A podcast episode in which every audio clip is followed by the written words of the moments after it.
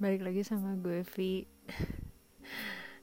gue udah lama banget nggak update podcast. I'm so so sorry. Gue nggak tahu gue harus ngomong apa gue harus ngebahas apa. I'm running out of ideas. Nah sekarang gue mau ngomongin sedikit soal percintaan gue. Pengalaman percintaan gue uh, first love gue itu waktu gue SM SM A iya.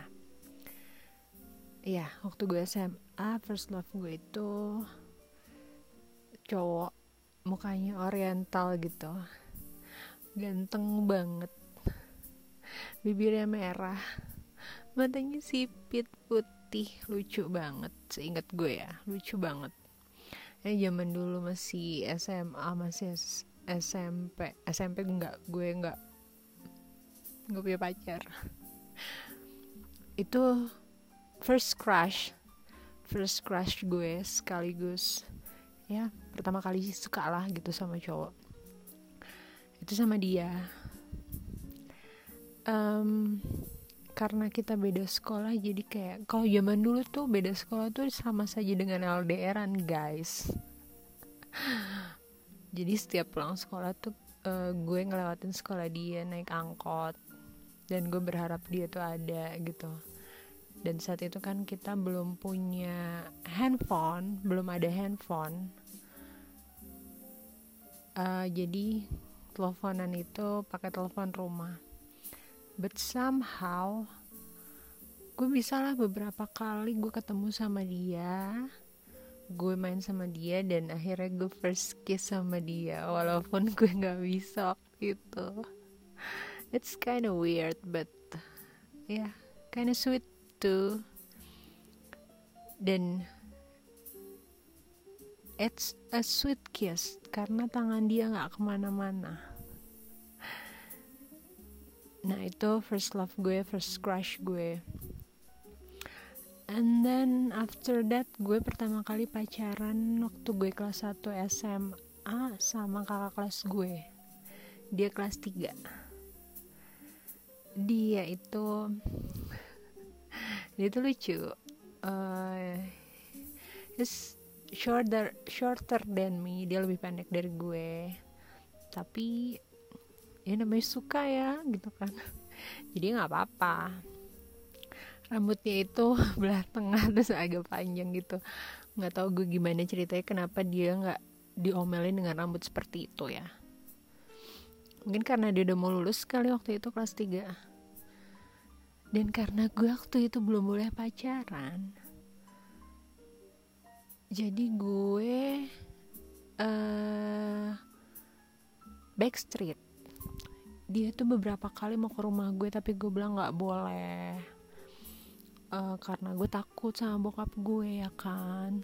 Jadi dia tuh cuman sering pulang sekolah gitu. Sering cuma lewat depan rumah gue terus ngeliatin gue gitu. Lucu banget gak sih? Terus kita tuh uh, pacarannya. Jadi waktu itu gue sekolah siang. Dia pagi jadi pagi tuh pulang sekolah nungguin gue dulu di sekolahan. Terus gue dateng kita ngobrol-ngobrol baru dia pulang kayak gitu. Terus kalau uh, kita nggak pernah ngedate berdua. Udah gitu um, pacarannya kalau minggu pagi minggu pagi. Terus uh, kalau dulu kan bukan CFD ya. Jadi kayak lari pagi gitu ke suatu komplek perumahan. Terus ya udah ntar janjian di sana gitu lucu banget. Tapi abis itu pas dia lulus kayaknya terus kita putus karena ya susah lah ketemunya gitu kan. Dia udah mulai sibuk dengan nggak tahu ya gue di kuliah atau enggak waktu itu. Dan gue sibuk dengan teman-teman gue gitu SMA nah kita putus terus akhirnya gue jadi kakak kelas kan kelas 2 SMA nah kelas 2 SMA itu gue sering main sama adik kelas gue cowok-cowok. Teman gue dulu uh, ada sih teman cewek cuman kebetulan ini gue temenan sama adik kelas cowok-cowok kelas 1 mereka baru-baru masuk situ mereka itu berempat cowok-cowok. Jadi kayak uh, satu satu apa namanya satu satu base kalau pulang gitu pulang bareng berangkat bareng gitu mereka. Nah gue nebeng terakhir gue nebeng sama temen gue satu cewek gitu. Karena kita sama-sama searah pulangnya walaupun beda-beda uh, daerah maksudnya beda-beda komplek gitu cuman satu arah. Nah selama setahun deh gue deket sama mereka-mereka ini di antara salah satunya tuh kayak gue deket sama dia dan kita tuh kayak punya perasaan cuman nggak ada yang berani nyampein gitu loh nggak ada yang berani bilang. Ya gue jujur aja gue gengsi dong gue kakak kelas dan gue perempuan gitu kan jadi kayak waktu itu kayak enggak lah kalau kalau dia yang suka ya dia dulu yang bilang gue masih ego gue gengsi gue tuh masih terlalu tinggi gitu. Dan dia pun gitu nggak berani bilang sama gue karena ya dia menganggap gue kakak kelas dan dia takutnya salah meninterpres men, menginterpretasikan uh, feelingnya dia itu gitu. Takutnya dia cuman kegeeran gitu. Terus sampai akhirnya udah nih udah udah akhirnya dia pindah sekolah pas kelas 2 gitu. Gue naik kelas 3 di kelas 2 pindah sekolah. Udah kita jauh tuh jadi jadi nggak ketemu lagi segala macam sampai udah lama banget nggak ketemu. Udah udah dewasa kita udah pada kerja gitu kan akhirnya. Temenan di Facebook. Temenan di Facebook. Chatting-chattingan. Pas chatting itu ternyata dia udah merit gitu.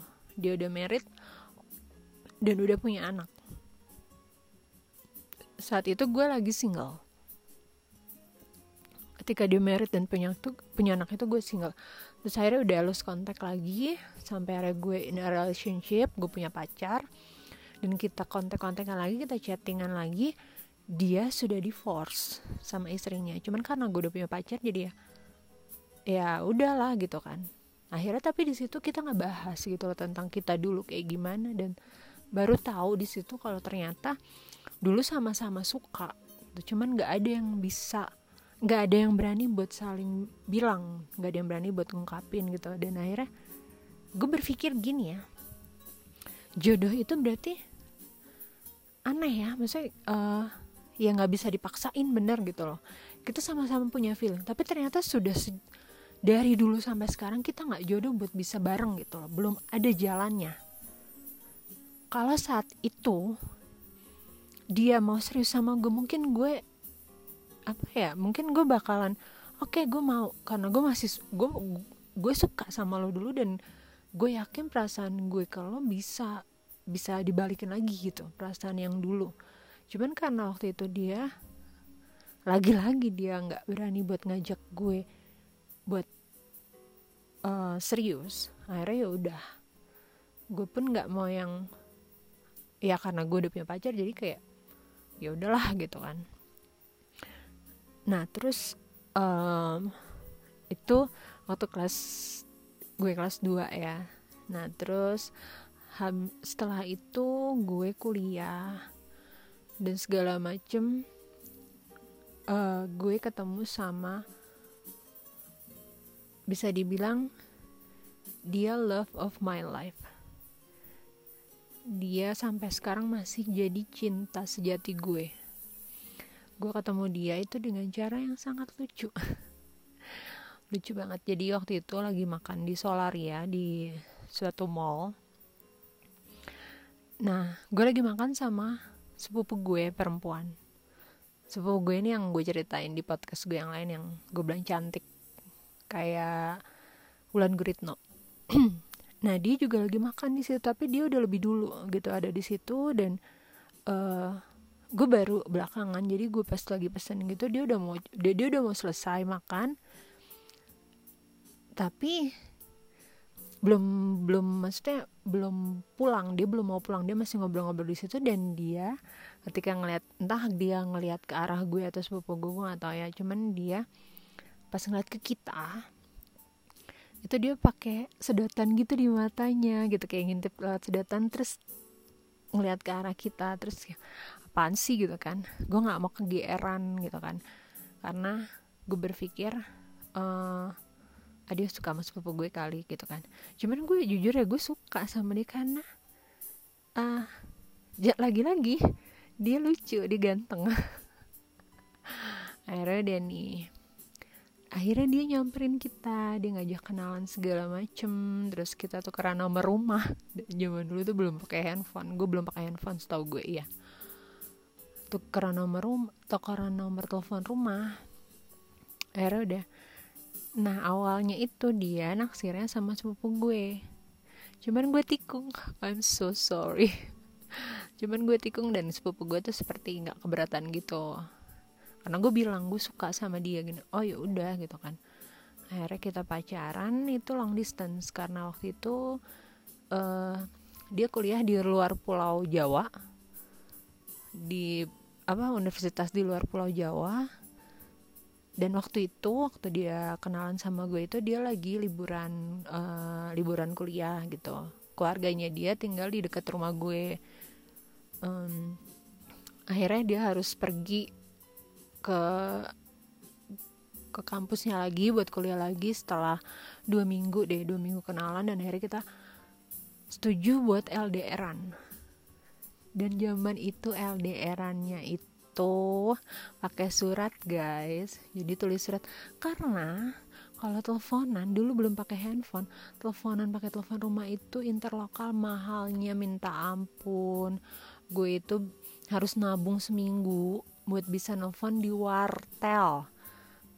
Buat nelfon dia di wartel. Itu pun untung-untungan kadang gue nelfon dia ada di rumah tantenya atau dia lagi nggak ada kadang-kadang gitu.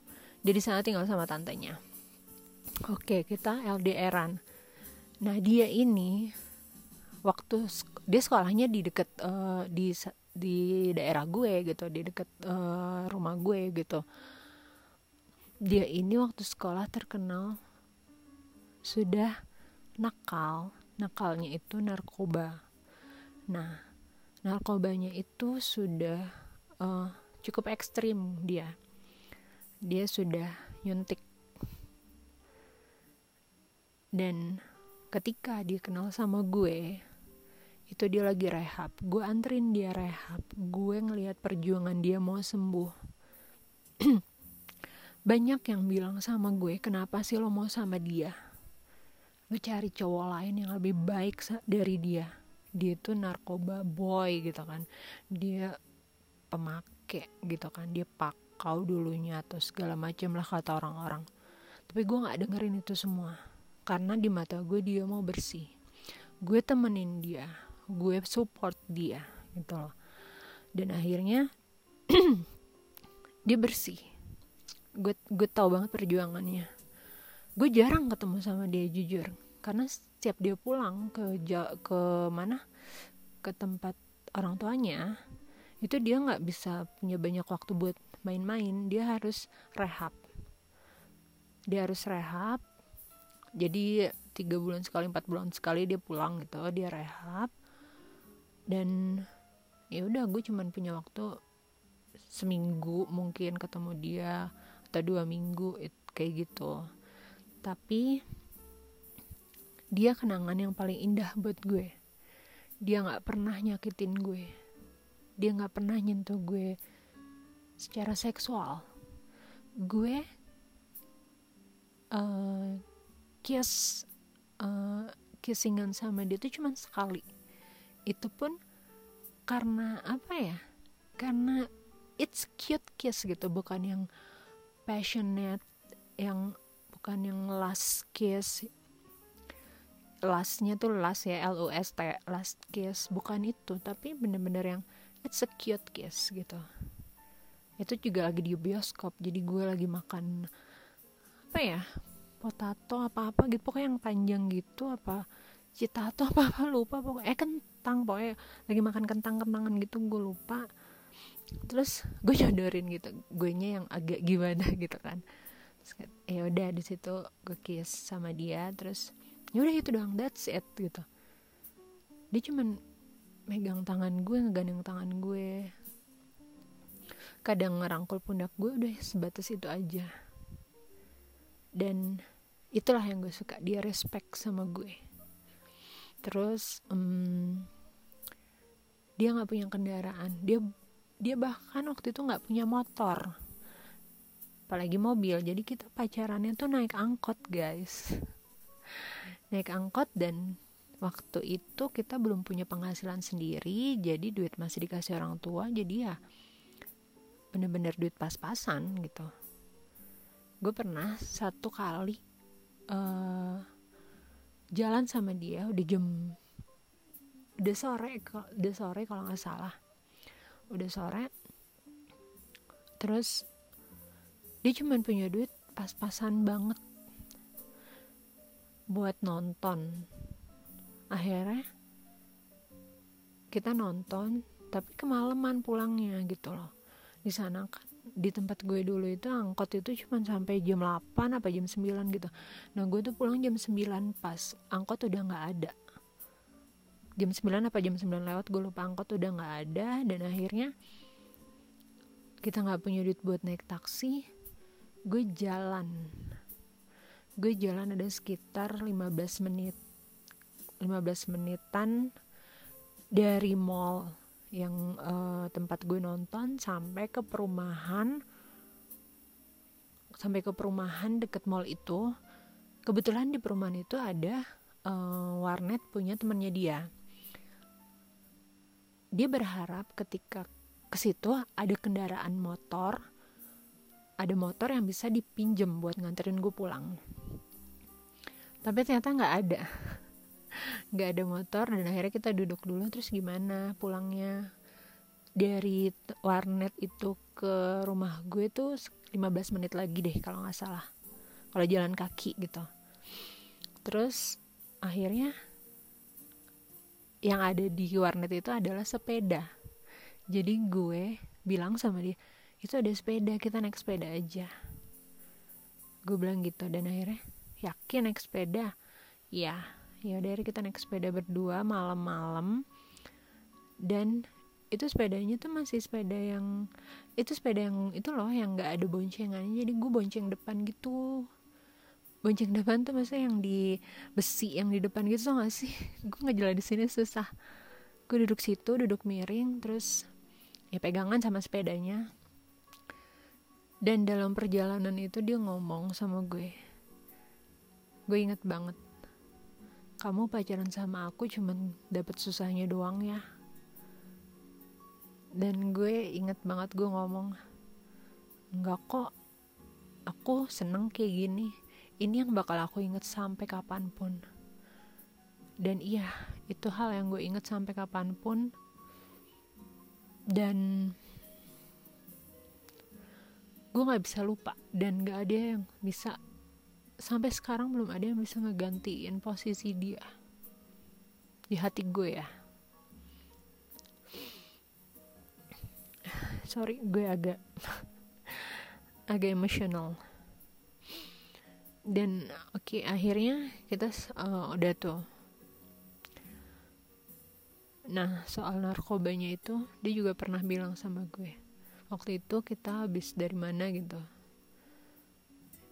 Teman dia baru dapat kabar kalau temannya dia teman lamanya dia tuh meninggal gara-gara itu gara-gara narkoba. Dan dia bilang sama gue suatu saat aku bakal kayak dia gue waktu itu kaget kan apaan sih ngomong apaan sih? Sembarangan banget kalau ngomong. Terus ngomong iya semua orang kan pasti bakal kayak gitu. Iya cuman jangan ngomong kayak gitu. Ah nggak seneng didengarnya gitu kan. Udah tuh. Dan akhirnya karena ada LDRan gue tahu dia di sana di tempat dia kuliah dia punya cewek lain lah gitu. Punya pacar lain dan sepertinya dia lebih serius sama yang di sana daripada sama gue karena mereka lebih deket gitu loh. Tapi dia nggak pernah yang namanya gimana ya dia tuh bisa menutupi itu gitu loh. Tapi gue punya feeling aja kalau dia punya pacar. Dia nggak pernah kasar sama gue dia nggak pernah marah-marah sama gue dia nggak pernah intinya dia selalu baik sama gue. Dia selalu manis sama gue gitu. Nah karena gue punya feeling itu akhirnya gue yang mutusin dia gue bilang sama dia kamu kuliah aja yang benar kamu jangan mikirin aku di sini. Gue dengan alasan seperti itu padahal gue tahu. Gue cuman nggak mau ngebebanin dia loh. Gue cuman di pikiran gue gue nggak mau ngebebanin dia. Gue nggak mau dia stres lagi dan dan akhirnya dia beralih ke barang haram itu lagi gue nggak mau. Gue harus ngelepasin dia gitu loh. Jadi biar dia nggak kepecah pikirannya dia biar fokus di sana sama kuliahnya dan sama pacarnya gitu loh. Itu pikiran gue saat itu. Dan gue ikhlas banget dengan itu semua. Gue masih sayang banget sama dia cuman gue kayak ya udahlah nanti kalau dia balik ke sini lagi kalau kita ketemu lagi dan kita ada jodoh pasti ada jalan ya kalau gue mikirnya dulu gitu. Akhirnya dia selesai kuliah dia balik ke rumah orang tuanya dan dia mau main ke rumah gue dia bilang aku mau ketemu dong aku mau main ke rumah kamu. Oke silahkan gue masih ngebuka pintu rumah gue buat dia gue tersenyum. Gue seneng banget gue senyum banget pas ngeliat dia gitu kan. Di situ dia ngomong sama gue kamu masih mau bukain pintu ya buat aku? Kamu masih senyum sama aku? Terus gue bilang ya iyalah gitu kan. Aku seneng ketemu kamu lagi segala macem gue bilang gitu kan. Tapi di situ gue bilang kenapa alasan gue putus? Gue kasih dan dia mengiyakan kalau dia punya pacar dan ya udah nggak apa-apa gitu loh. Dia sempat minta balikan waktu itu. Aku pengen kita kayak dulu lagi kata dia.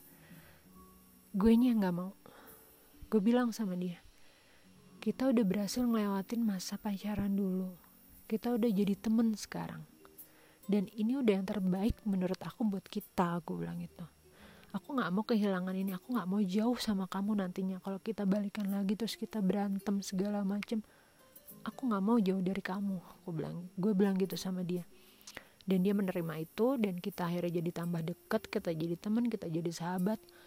Kita gue sering curhat sama dia soal uh, cowok soal apa gitu. Sampai akhirnya tiba-tiba dia jarang kelihatan.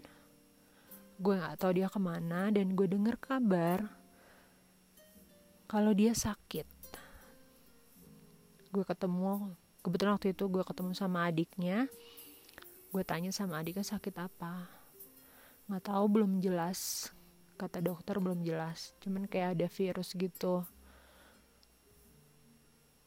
Dan gue nggak tahu virusnya di mana dan apa yang terjadi sama dia. Gue bener-bener nggak tahu karena gue belum deket sama keluarganya dan gue nggak deket sama adiknya.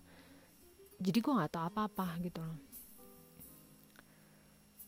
gue pikir cuman sakit-sakit biasa gitu kan. Makanya gue nggak nggak belum sempet nengokin dia ke rumah sakit.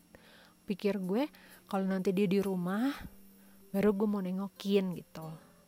Tapi ternyata dia nggak sampai ke rumah. Gue dengar kabar waktu itu siang-siang apa sore-sore gue lupa. Dia meninggal dan gue awalnya belum percaya dengan berita itu. Gue dikasih tahu sama temen gue gue ditelepon. Gue tahu berita itu dari telepon. Dari tetangga deket rumahnya yang tahu kalau gue pernah pacaran sama dia. Uh, akhirnya temen gue bilang lu mau datang atau enggak ke rumahnya? Gue bilang iya gue mau. Ya udah nanti gue jemput lo ntar kita ke sana bareng-bareng kata temen gue gitu. Oke. Okay. gue masih meng apa ya otak gue tuh masih belum belum belum connect. Kalau itu tuh nyata kalau dia sudah nggak ada. Ketika gue ke rumahnya baru baru gue connect oh iya rame di rumahnya. Orang-orang pada berkabung segala macem itu gue belum nangis. Semua orang tuh yang semua semua orang yang tahu gue mantannya dia bilang sabar ya yang sabar ya yang sabar ya. Gue bilang iya iya iya. Gue duduk. Nah ketika gue diajak sama temen gue lo mau ngeliat nggak ke dalam? Lo mau ngeliat nggak buat terakhir kalinya?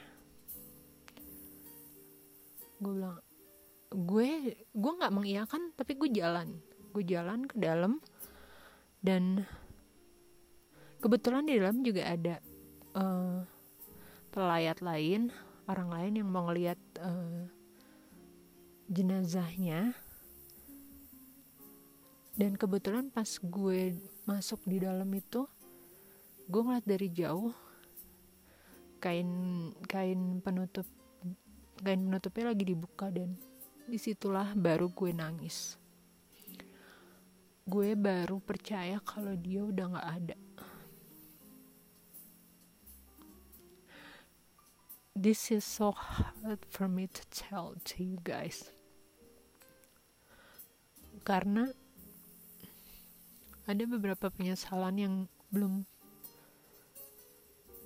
yang belum terselesaikan gitu sama gue. Kenapa waktu itu gue nggak nengokin dia ke rumah sakit kenapa gue nggak apa ya nggak cari tahu gitu loh. Kenapa gue nggak nanya banyak sama adiknya? Gue nggak minta anterin dia ke rumah sakit. Gue belum sempat bilang kalau gue tuh sayang banget sama dia. Dan gue mau berterima kasih banyak sama dia karena sebelum dia meninggal beberapa bulan itu dia banyak membantu gue. Dia ada buat gue di saat gue terpuruk segala macam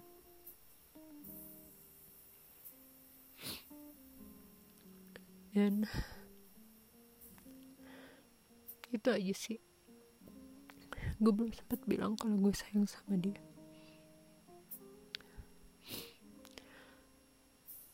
Ya habis itu gue beberapa kali pacaran dan gak ada yang se apa ya semembekas itulah gitu. Next time gue ceritain lagi soal beberapa kisah gue karena ya